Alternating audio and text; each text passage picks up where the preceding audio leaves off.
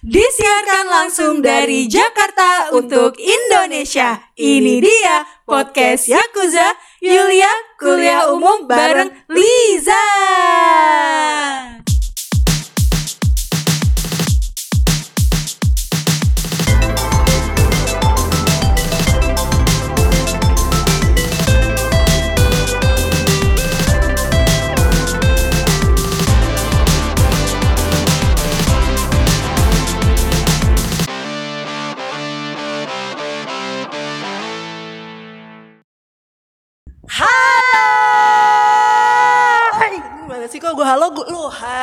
Itu artinya uni unity in diversity. beda berbeda tapi tetap satu. Yo, satu suara. Iya. Karena yang namanya sapaan itu memang kaya akan kata-kata, betul? betul sekali. Bentar bentar bentar. Ini kita tuh tau gak sih kita sebenarnya ngapain? Ini kita reunian kita kita comeback. Mentang-mentang lagi pilden lu kambang. Ah, comeback comeback aja nih bentar kita sebelum ngomongin topiknya nih apa kabar Liza Alhamdulillah sehat banget walafiat. Gimana nih lu? Alhamdulillah baik juga ini lagi sibuk kuliah. Nih mungkin belum kita cerita ya ke ke apa teman-teman Yakuza ya. Kalau eh, Yakuza sorry gue sampai lupa tuh kan. Mohon maaf nih Yakuza sih ya. Saking lamanya kita Saking hiatus. lamanya kita kita hiatus bener banget. Nah ini gue lagi kuliah S2 kan kebeneran. Nah kita sebenarnya tuh udah mau comeback dari kapan aja ya. Cuman karena gue sibuk banget nggak sibuk banget cuman kayak ya banyak inilah kegiatan yang emang harus produktif. Jadi gue sama Liza memutuskan untuk hiatus dulu ya nggak? Nah kalau lo gimana aja lu ke mana aja nih selama ini Gua sekarang eh, jadi citizen Cinere. Anjay. Jadi kalau lu mau ketemu gue kayaknya lu harus ke Oh bisa bisa banget. Lu jangan ke Bonjer ya sekarang. Bener jauh. Alhamdulillah kalau gitu ya. Lebih dekat. Ke Cinere. Paling nggak lebak bulus. Ya. bener bener bener bener paling gak lebak bulus. Iya ya boleh tuh. Masih lu tapi kalau misalnya kita ketemu di lebak bulus, lu masih mau mentolerir itu ya? Bo- boleh banget. Tadi gue jalan kaki dari Fatmawati. Bu. Sehat. Gue nyari sehatnya. Tapi jujur ya, Yakuzers, ini yang gue salut banget dari seorang Yulia. Gue nggak tahu kenapa. Gue pikir dia jalan kaki ketika dia lagi di Eropa aja. Oh iyalah Eropa Yulia jalan kaki, pantesan orang di sana adem gitu.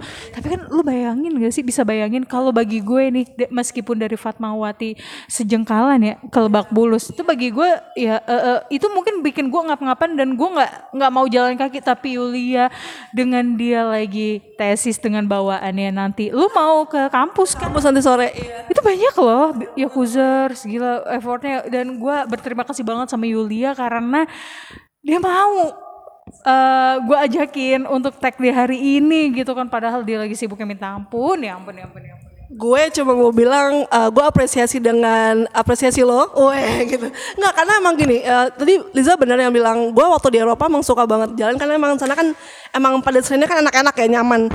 Cuman gue kenapa mau jalan kaki satu, gue emang udah lama nggak jalan kaki karena kesibukan yang bener-bener menyita banget. Gak pernah jalan kaki, gue cuma jalan kaki paling mana sih dari uh, apa tuh? Gue kan kalau mau naik MRT ke kampus kan uh, Fatmawati tuh yang putaran Citos ya kan? Dari situ sampai MRT kan paling 10 menit doang. Ini kayak nggak terlalu jauh makanya gue wah Liza bilang oh udah lebak bulus aja deh. Oke gue jalan kaki karena emang gue lagi butuh itu kayak biar bugar aja kayak gitu. Betul. Tapi memang eh, olahraga ya itu selain bisa membuat lu jadi lebih bugar, pikiran lu itu juga bisa berpengaruh loh otak lu. banget. Eh, bisa membuat apa ya otak juga jadi fresh, kita bisa ngeliat sekitar kayak gitu. Tuh, bonusnya pemandangannya kan bagus kan? Apalagi Jakarta tuh apa sih yang kurang dari Jakarta? Kayak gedung-gedung banyak ya kan? Terus udah banyak banget ya pokoknya desain-desain kantor-kantor tuh yang uh yang mewah banget ya. Satu lagi tadi lo bilang kan apa sih yang kurang dari Jakarta? Masyarakatnya masih belum mau beralih ke transportasi umum pada dia itu yang kurang. moda transportasinya udah keren banget. lo pokoknya nyesel kalau nggak pakai transportasi umum di Jakarta. Tos dulu. Eh besok kita bikin proposal kita ajuin. No ke Dishub. Betul. Biar semua orang tuh pada ayo naik transportasi umum aja jangan pakai kendaraan pribadi. Aduh, macet, pusing. Betul betul. Bensin mahal. Betul. Paling nggak kita dapat kartu yang eh, apa tuh yang annual pass Wow, iya yang kayak di Eropa ada tuh. sumur hidup Nah, tuh. Oh iya bener. buat beralih ke moda transportasi itu yang kurang. betul betul. Tiket. karena gini, kalau misalnya alasannya karena kan jauh kalau misalnya dari eh, rumah ke ke mana ke shelter busway atau apa. Atau ke apa stasiunnya? Nah, Nah, kalau di Jakarta tuh sekarang tuh udah ada mikrotrans itu Jaklingko namanya. Ah, bener. Itu tuh udah masuk Tis kan? lu cuma tap in. Tapin doang, cuma nunjukin Jack Lincoln-nya doang kan? Iya, bener. Iya, kayak kan Jack Lincoln namanya? betul, betul, betul, betul. Belum sawangan lingko belum. Belum, belum, belum. Belum sawangan mania, belum, belum.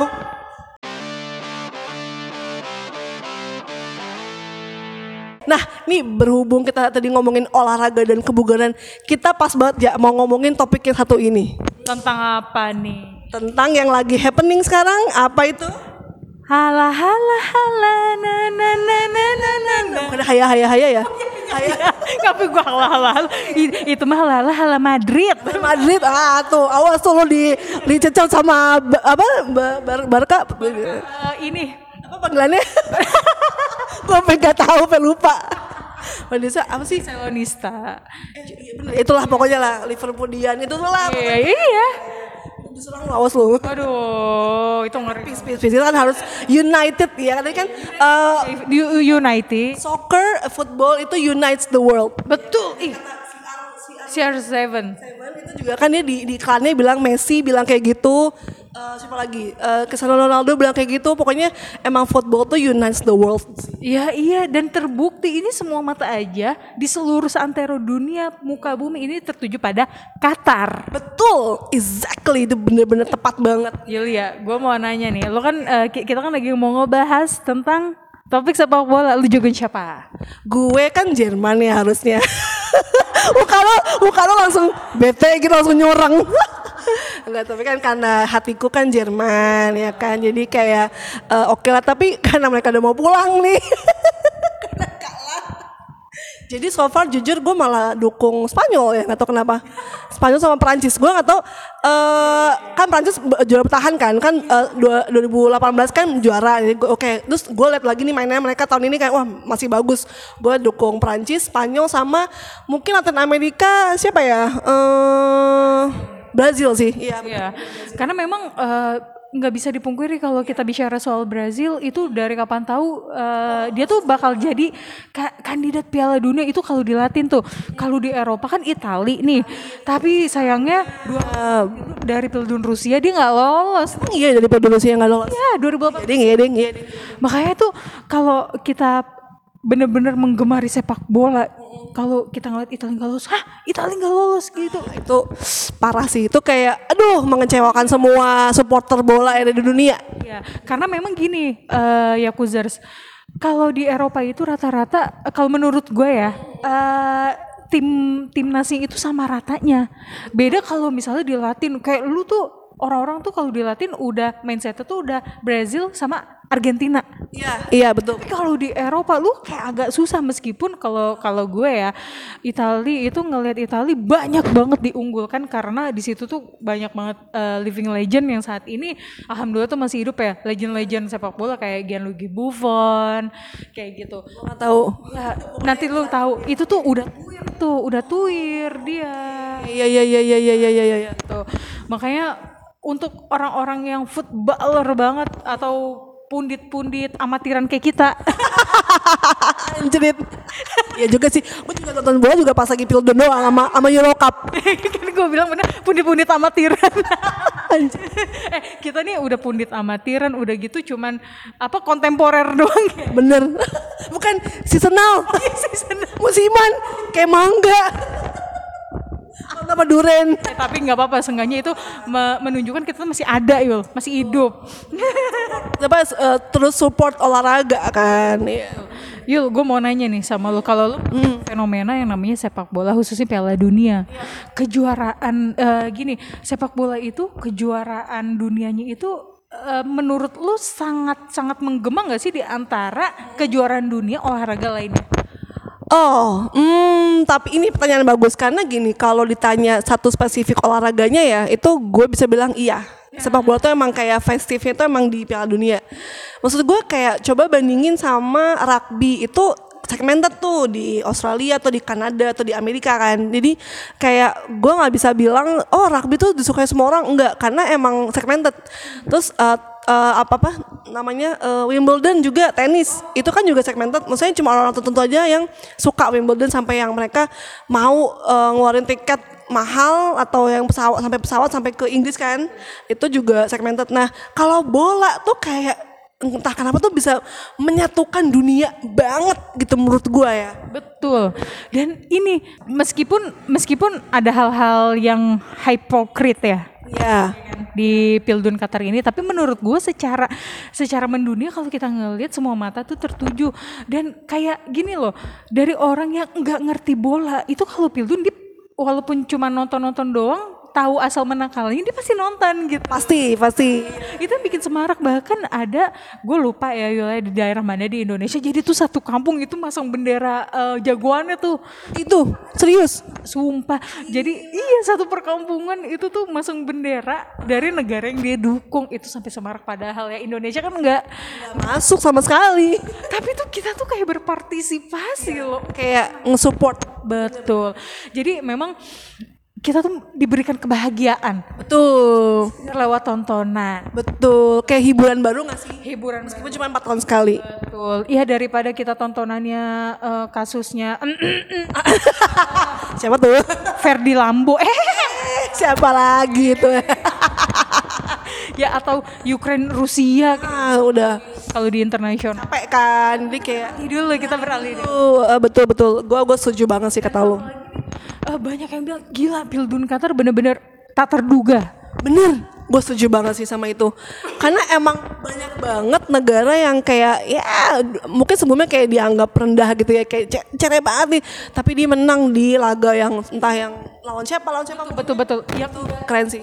yang dia tuh underdog tapi pas ngelawan satu negara yang memang dijagokan hampir mungkin separuh penduduk muka bumi dia tuh bisa menang. Bener itu itu gue gue salut banget sih sama sama apa ya eh, mentalnya mereka yang juara banget kayak gitu. Mental mereka yang juara banget. Itu memang menurut gue eh, kita kalau misalnya kayak akan strategi Yulia di satu match kita kalau mental lu bukan mental juara lu nggak akan bisa Bener bener bener. tandingan itu. Gue setuju banget sih. Kayak me- kayak teknik lu udah bagus nih terus strategi udah bagus tapi kalau mental lu ngedown wah tuh susah sih menang. Kayak lu susah untuk apa ya ngebus untuk apa ya bisa ada di mental yang kayak oh gue menang nih gitu. Kayak itu tuh emang emang perlu perlu dari diri sendiri. Eh, yang terakhir kali tuh kalau ngomongin mental tuh yang Arab lawan Argentina. Oh iya. It- itu itu kan dia menang. Terus kan ada dia eh, lawan siapa sih? Polandia. Oh iya dia dia oh iya dia dia lawan Poland. Dia kalah. Nah itu kan padahal kan ada satu penalti tuh hadiah penalti. Tapi nggak masuk tuh menurut gue dari situ gue ngeliat Arab tuh kayak udah ngedown gitu. Terus kayak pemain itu kayak ada frustasi gitu. iya iya iya gue lihat sih gue lihat Padahal kan ibarat kata pas abis lawan Argentina tuh beh, Oh, festif banget kan satu negara diliburin jadi hari libur nasional dan sama anaknya Raja Salman dikasih apa roll roll Royce Phantom. gue kita Maibach Enggak, enggak. Iya. keren banget keren banget iya bener bener bener Menurut gue, eh memang kalau bicara soal mental, itu waktu sih yang menjawab kayak gitu. Tapi kan iya bicara soal waktu kan Kildun kan cuma empat tahun sekali. jadi kayak memanfaatkan momentum banget kan Mungkin memang nanti setelah Pildun bakal jadi dievaluasi dan harus meng, apa ya, eh, sering-sering bikin friendly match gitu. Betul, betul. Setuju, setuju, setuju. Nah, yang di atas si negara itu. Dia biar yang mentalnya dia, Iya. tekniknya juga di improve ya kan. Iya.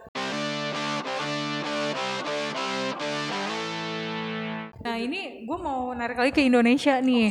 Indonesia kan timnas ini eh, dilatih sama pelatih Korsel nih. Ya, ya, ya. Ya, dan menurut gue ini bagus banget dikasih apa ya Sintayong tuh entah kenapa gue tuh ngeliat kayak membangkitkan lagi gairah sepak bola nasional. Permainannya cantik. Jadi gini memang permainan itu di endingnya bakal menang kalah. Tapi kalah pun kalau misalnya permainannya cantik bagus kita tetap akan puas. Oh, paham, paham, paham. Gitu. Kalau misalnya mainnya tetap nyerang kayak gitu, urusan hasil akhir ya udah kayak gitu. Yang penting tuh mainnya lu jangan jangan bertahan gitu loh, jangan defense, jangan buruk.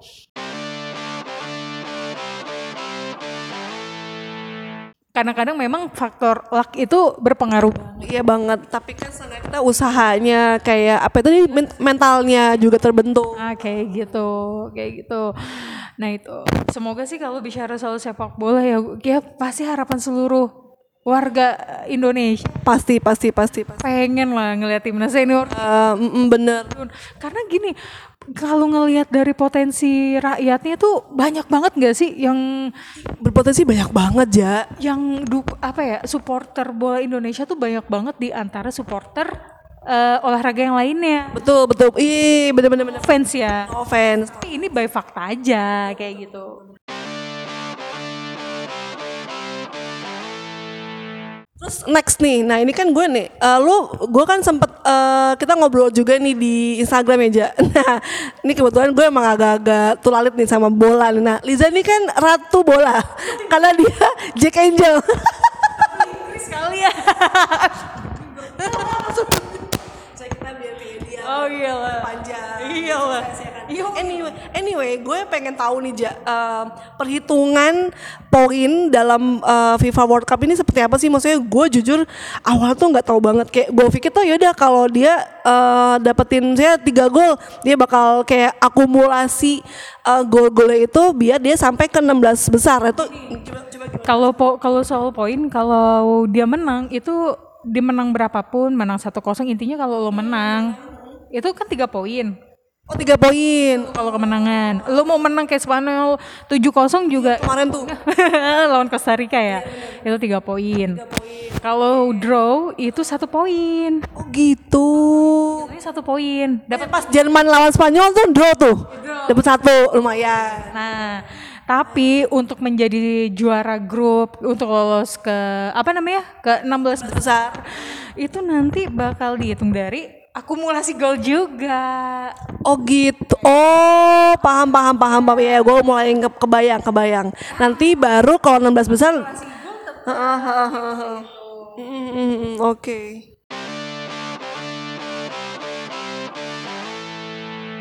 Oh jadi eh, nanti pas lagi 16 besar abis itu baru eh, apa namanya ngelawan yang dari grup yang berbeda kan.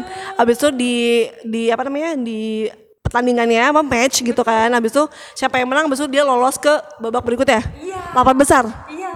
Heeh, ke 8 besar tuh. Nah, ini nih satu negara yang udah pasti banget ada tiket lolosnya, lo tahu siapa? Portugal. Negara Amerika Latin. Siapa? Argentina, Brazil ya? Oh iya iya iya iya iya. iya. dapat eh, apa namanya eh, tiket lolos ke 16 besar karena memang pertandingannya juga Dia tiap tiap tanding kemarin menang ya? Oh. Nah kalau misalnya negara yang kemarin menang, kemarin kalah, dia harus pertandingan terakhir tuh menentukan Oh gitu, makanya kayak ini bener-bener, aduh ini tegang banget kan. banget. Wow, gue baru tahu sih jujur. Nih nih nih nih ngomong-ngomong, eh, lu kan ngejagoin Jerman, tapi kan Jerman Pulang, bye, cus.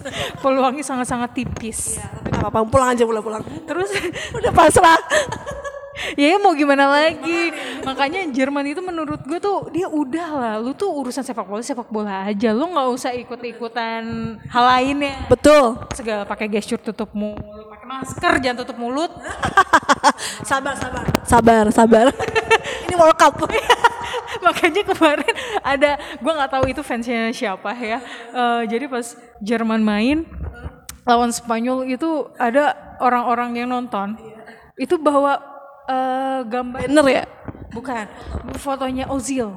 Fotonya Ozil sambil pakai tutup mulut gitu dibales karena kan Ozil itu nggak masuk squad Jerman. Iya. Bukan pensiun dia. Eh tapi udah keluar gara-gara rasis itu kan dulu. Ah, betul. Sebenarnya kalau dibilang pensiun sebenarnya secara Belum. belum. Ozil itu masih di usia yang produktif lah, 30 tahun. 30 tahun. Kan masih eh, produktif gitu. Jadi karena soal itu, memang menurut gue ini agak eh, agak kompleks ya Pildun Qatar kali ini, Yulia. Bener, bener, bener, bener. Lo nggak lihat itu? Yang mana tuh tapi? Kompleks. Oh kompleks oh iya ya maksudnya di di belakangnya pertandingan lah. Maksudnya di eh, di, di apa ya di di lain hal dari pertandingan kan? Dari tentang sepak bolanya itu. yes tahu tahu tahu. apa pun itu yang terjadi jujur banget gue salut dengan Qatar. Setuju sama gue salut juga sama Qatar. gue salut banget beneran serius serius. Digempur abis-abisan men. Parah parah. Sama media barat. Banget banget banget. Kayak ini loh gue kata ini nih gue. Matiin kayak gitu. nah Gue setuju gue setuju. itu dia um, sampai orang yang paling open minded si paling open minded itu bilang begini begini begini. Lu mohon maaf lu open minded atau lu close minded Bener, atau lo kayak cuman mengkerucutkan diri lo sama satu opini atau satu apa ya satu perspektif itu malah lo jadi apa ya nge-share eh, nge- ngebagiin si perspektif yang sempit ini ke orang lain itu makin sempit lagi. Menurut gue gitu sih. Lu memaksakan eh sorry ini mungkin agak kasar katanya kalau memaksakan. Kayak lu tuh terkesan kayak menggiring opini. Betul memprovokasi orang. Sekarang kalau misalnya Qatar dibilang homofobia dibilang dia eh, apa namanya eh melanggar ham melanggar ham homofobia homofobia kita tuh eh Qatar itu kan berdasarkan rulesnya Islam ya kan? Betul. Islam. Timur Tengah. Sama ya. Udah dari sananya begitu. Itu kalau lu berbicara soal agama Yulia itu udah nggak bisa diganggu gugat nggak bisa bro. Sorry bro. Nggak bisa bro. Hmm, lu setuju sama gue? setuju banget setuju banget. Soal HAM ya kan? Negara mana sih Yulia? Gue mau nanya sama lu negara mana yang dia bersih dari kasus HAM mana ya? Saudi Arabia bukan? Siapa dong ada nggak? Bukan tahu. oh ada apa enggak? Gue nggak tahu sih tapi mungkin nggak ada ya. Eh, maksudnya nggak ada yang sebenarnya memang kalau menurut gue sulit lu buat nyari negara yang yang bersih dari kasus susah sih susah. HAM kayak gitu dan udah gitu ya kan pengertian melanggar ham kan orang bisa beda-beda. Ah luas banget. Luas banget. Nggak bisa kayak misalnya nih di Saudi Arabia yang sekarang perempuannya boleh nyetir keluar kan kayak boleh keluar rumah eh, tanpa mahramnya gitu kan. Maksudnya kan udah mulai bebas. Itu menurut gue kalau bag- mungkin bagi orang-orang yang di Arabnya kayak oh itu melanggar ham bisa bisa jadi. Karena kan emang mereka seperti itu kan rulesnya. Tapi bisa jadi kayak orang-orang barat oh ya bagus lo bisa keluar rumah karena gini. Tapi ya gimana ya lo nggak bisa nyamain perspektif itu. Karena beda budaya juga menurut gue gitu sih menurut gue ya. Iya, dan budaya itu kan eh, menurut gue peraturan yang ada peraturan yang dibikin itu nggak salah-salan. Ada tuh ada dasarnya kayak gitu. berdasarkan kebiasaan di penduduk setempat juga kayak gitu. Hmm. Kalau misalnya satu negara nih, eh, misalnya eh, pildun pildun tahun ini nggak terjadi di Qatar, terjadi di USA. Aduh. Kiamat ja. Kiamat. Fix kiamat. Ah, Makin parah sih menurut gue. nanya, itu negara Barat pada woro-woro eh, bawa-bawa ham nggak? Gak bakalan. Nggak bakal. Bakalan. Gak bakalan. Makanya menurut gue banyak banget ini kelihatan kayak kita tuh kayak dibuka kayak ada satu jendela Yes, yes, yes. ini dibuka. Betapa Betul. kritnya manusia Betul, betul. ini. Heeh, kayak gitu. Dan ini tuh terlihat dari World Cup kali ini. Makanya gue makanya gue sangat sangat sangat appreciate banget sama Qatar yang udah eh, keluarin duit entah berapa triliun dia habis digempur barat habis-habisan tentang HAM, homofobia. Lu harus menghormati gue ngapain lu eh, eh, ini tuh suatu bentuk kebebasan berekspresi. It's for all. Setuju. Ini agak kasar tapi emang bener guys. Ah, gini maksud gue. eh, ap- terlepas dari apa pun itu, pokoknya menurut gue gini lah intinya tuh yang paling tepat adalah lo nggak bisa bawa perspektif lo itu ke negara yang memang itu tuh udah jadi rulesnya gitu loh. Kan selalu ada peribahasa eh, di mana kaki berpijak di situ langit dijunjung. Kayak gue nih waktu di Jerman kayak oh oke lah gue masih apa berjilbab itu nggak ditentang tapi misalnya gue eh, terlalu tertutup soal misalnya seks bebas atau segala macam atau yang yang kayak itulah pokoknya hal-hal yang memang dianggap normal di sana. Ya gue pribadi nggak setuju tapi karena gue di negara itu ya gue cuma tinggal diem aja. Gue nggak boleh kayak nggak bisa. Karena gue nggak punya suara gue nggak punya hak untuk untuk menyuarakan apa yang gue punya dari negara gue. Karena emang beda. Nah sebaliknya ketika orang Jerman ke Indonesia ya lu mohon untuk mengikuti rules itu kayak gitu loh. Nah ini kan ada salah satu negara ya di Eropa nih, yang dia tuh melarang nikop. Nikop, nikuap nikuap ya, dengan alasan bla bla bla segala macam, ya. Kalau dia larang, muslim di sana ngikutin, ya kan?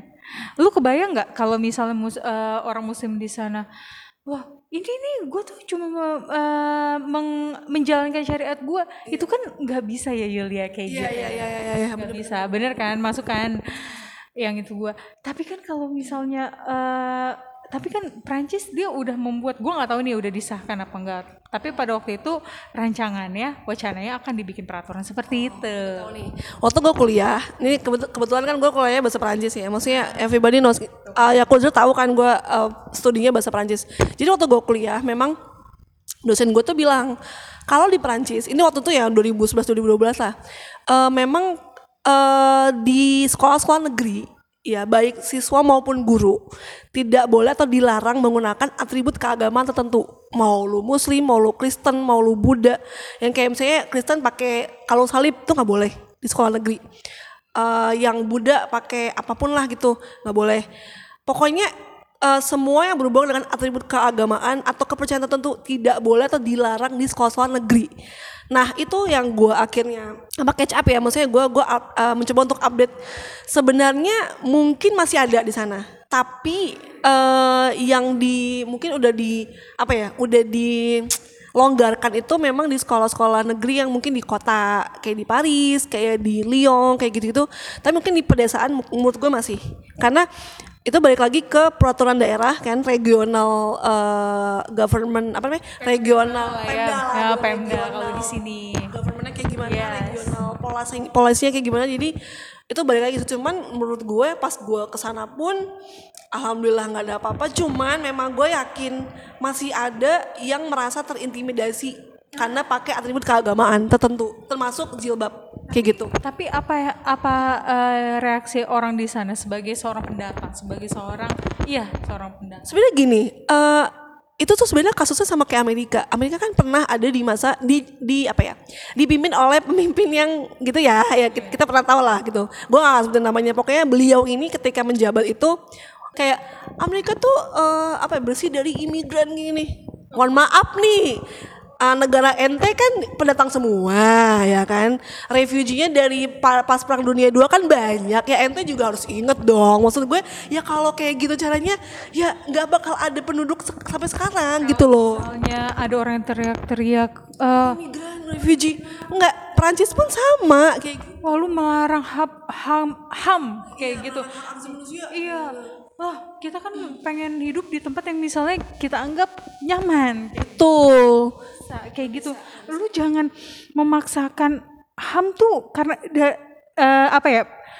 Ham menurut lu begini, ham menurut lu A. Terus ada satu negara yang dia mungkin berbeda, punya pandangan yang berbeda sama lo, kayak gitu. Dan lu pengen dia ngikutin lu, lu sebagai tamu lo yang harus bener bener bener bener bener. tuan rumah tuh lu tuh Piala Dunia ini cuma satu bulan. Betul betul betul. Sampai sebegitunya apa giring opini. Tapi gue yakin Yulia gue yakin banget sebenarnya eh, Qatar sebagai tuan rumah Pildun tidak seburuk kayak di pemberitaan oh no enggak gue yakin. Ada kebaikan yang yang Pasti. dia, yang dia itu kerekamnya cuma dari ponsel-ponsel amatiran kayak betul yang kayak itu menggiring publik apa menggiring opini publik aja sebenarnya. Ah, kayak gitu. nanti Heeh. ujung-ujungnya makanya musuhan sama barat apa segala macam. Iya sih. betul betul makanya makanya tadi sekali lagi nih gue bilang Pildun ini nih kita ngeliat tuh kayak bener-bener kayak jendela besar yang, yang dibuka gordennya lo lihat muka orang munafik? Yes. Yes, yes, yes, yes, yes. Dan kayaknya eh, lu nge-share juga dari satu media Timur Tengah yang eh, mereka ngewawancarain eh, apa namanya supporter bola bola atau kayak dari entah Amerika atau Inggris ya, gue lupa. Eh, tapi bukan, pokoknya entah Amerika atau Australia, pokoknya dia pokoknya negara-negara berbahasa Inggris lah gitu. Dia diwawancara, gimana menurut lu di Qatar? Eh baik kok enak di sini nggak ada yang kayak se- seburuk apa yang diberitakan di media.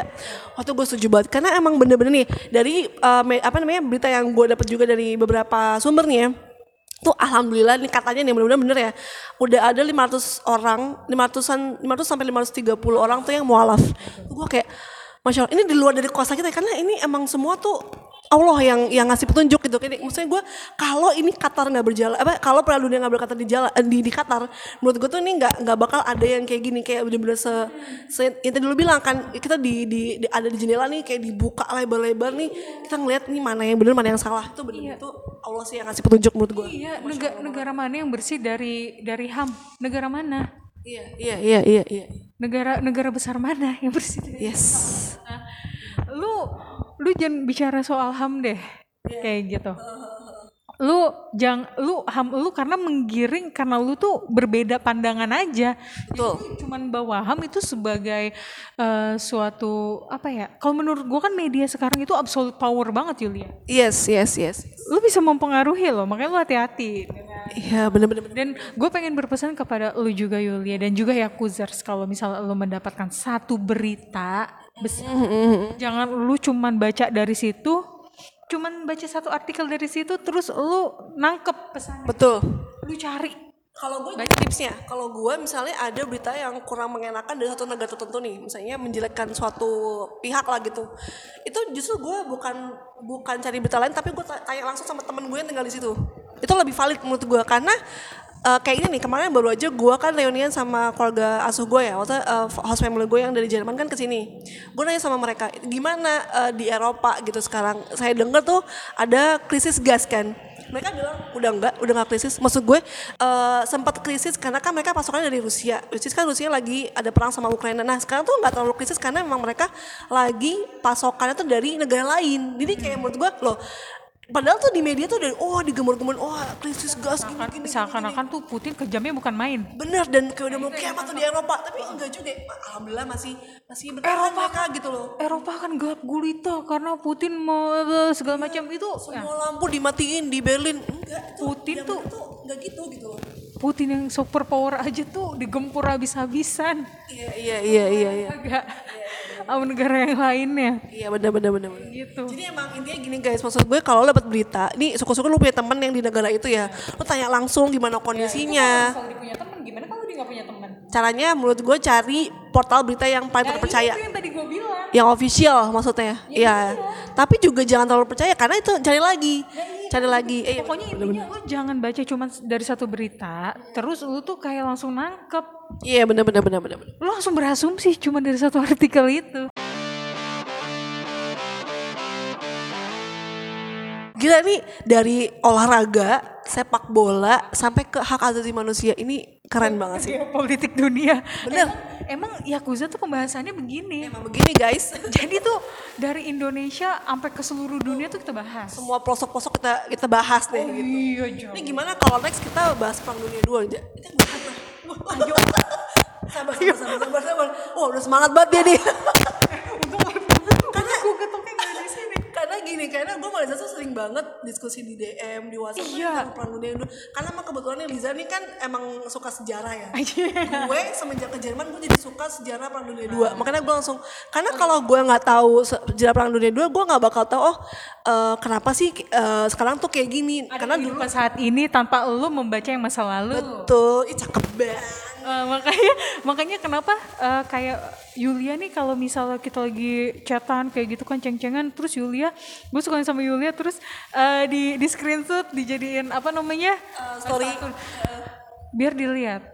Kalau misalnya kita itu kalau ceng-cengan tuh berbobot. Buat bener. Kita nggak cuman receh. nggak julid-julid. Ini sih itu kemarin. Ish beli beli barang branded tapi di thrifting ya gue mau barang nyicil. iya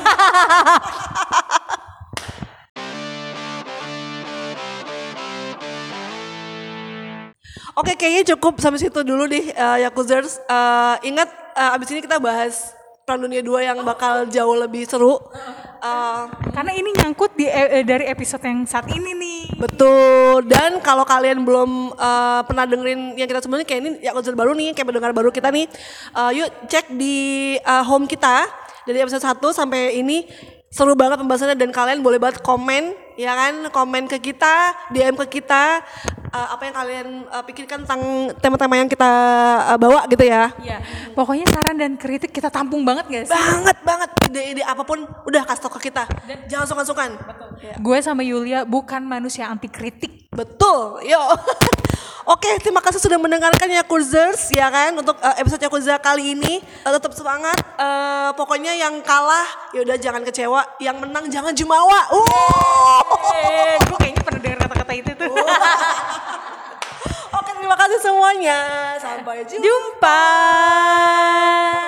Hayya hayya hayya. Hayya.